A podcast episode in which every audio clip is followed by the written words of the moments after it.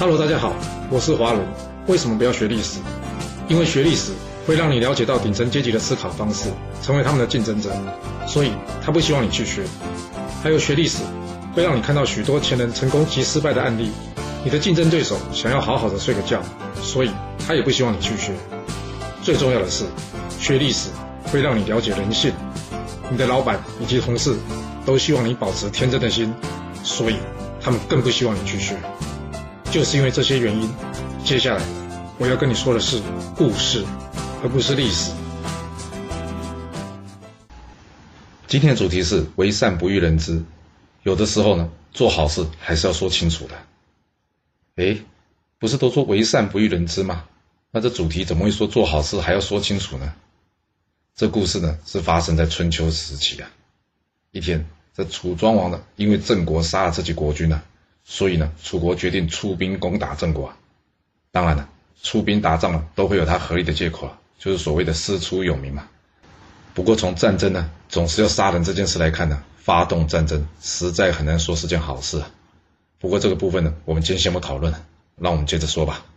由于这战事猛烈啊，楚军呢将这郑国的城墙啊打垮了一角，眼看着楚庄王就可以派大军冲进这郑国城池，来个血洗郑国啊。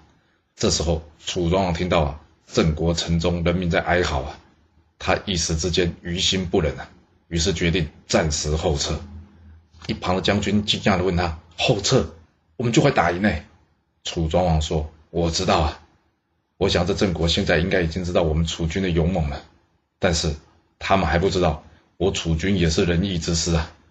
我之所以后撤，就是不想要杀太多人，给这郑国国君一个开城投降的机会。”嗯，这样听起来好像没有什么问题，对吧？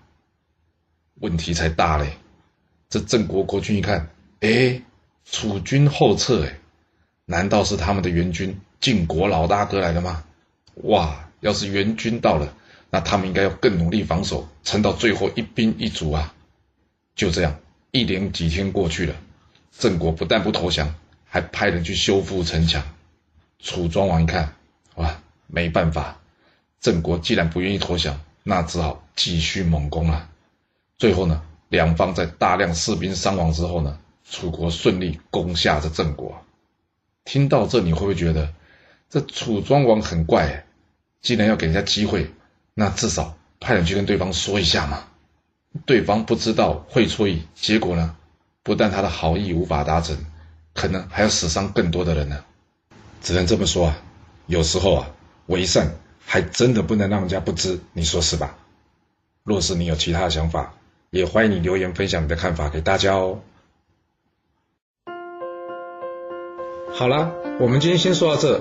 如果你就是不听我的劝，想知道完整版的故事内容，你可以从说明栏找到我爱故事频道的连结。不过记住哦，你是来听故事的，而不是来学历史的。